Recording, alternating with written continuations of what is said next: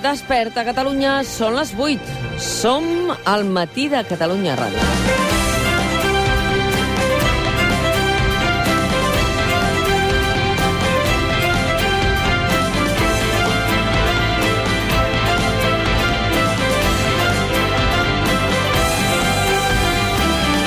En Màrius diria que és inevitable assumir-lo quan ens hi juguem la vida, de 11 lletres. I la resposta és confinament. Oi que no volem tornar a quedar-nos a casa? Oi que no? Doncs més val que prenguem consciència que no tenim la Covid-19 controlada. No estem fora de risc. No ho estem. Ens ho pot semblar, però no és veritat. I no és només el Segrià, ara en parlàvem amb Antoni Trilla, perquè hem de fer el rastreig i el control de tots els contactes de les persones contagiades com s'ha de fer, perquè si no s'aïllen bé les persones afectades, tornarem a estar en una situació de contagi comunitari. De moment el que s'ha fet és perimetrar el Segrià, però s'haurà d'acabar fent confinament domiciliari una altra vegada, i no només al Segrià. Què està passant a la Sagarra, què està passant a Guissona, Cervera, totes aquestes poblacions? Està realment controlada la situació? Tenim dubtes raonables quan parlem amb el territori, quan parlem amb les persones que treballen, per exemple, a Bonària. Volem saber exactament en quina situació tenim els números i, per tant, li demanarem ara a Alba Vergés que ens ho expliqui. També amb l'alcalde de la capital del Segrià, Miquel Puello, per fer el seguiment minut a minut de com estan les coses. Tothom juga a inventar enigmarius, ara us en feia un i se'n podria fer un altre, però cap tindria la gràcia dels que ragen del cervell de Mario Serra. Avui tenim, com ens recordava ell fa una estona, la final de la Lliga, i com sabeu, sempre intentem anar en un espai emblemàtic. Aquest any on hem volgut ser? Doncs els teatres, perquè els escenaris necessiten també del nostre suport. A les 10 serem a la Sala Villarroel de Barcelona parlant de la incertesa que pateix aquest sector i també de l'entusiasme en la represa.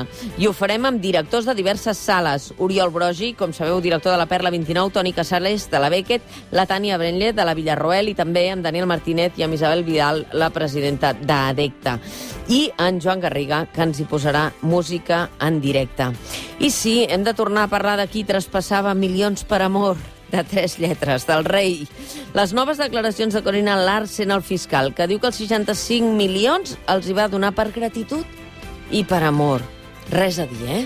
Celebrem molt que se l'hagin estimat. Ara bé, els fiscals i els jutges que esbrinin d'una vegada si aquesta estimació tan lucrativa és fruit de l'exercici corrupte del càrrec de cap d'estat negociants comissions personals. L'Estat, ja ho veiem sempre, es defensa amb ungles i dents, defensen el seu cap d'estat i castiguen en presó els qui el qüestionen. Aquest cap de setmana llegia el llibre Un dia d'octubre i dos poemes de Josep Rull, que és a la presó de Lledoners, com sabeu, i pensava que en política la memòria és cada vegada més curta, perquè d'aquelles urnes, d'aquella sentència del Suprem, de la repressió policial, sembla que faci una eternitat. En parlarem amb Vicenç Villatoro, que n'ha fet el pròleg, que ens acompanyarà una estona també en la tertúlia d'avui per valorar l'actualitat, perquè una de les preguntes que es fa Josep Rull, i no només, que se la fan totes aquelles persones que han estat implicades en el procés de repressió de l'exercici del dret d'autodeterminació al nostre país, es pregunten, haurà tingut sentit tot plegat?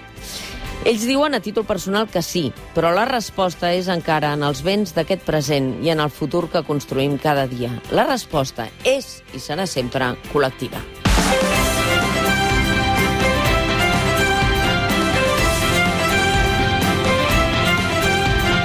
Des d'ara fins a la una som amb vosaltres perquè passi el que passi, volem que aquest sigui un bon dia.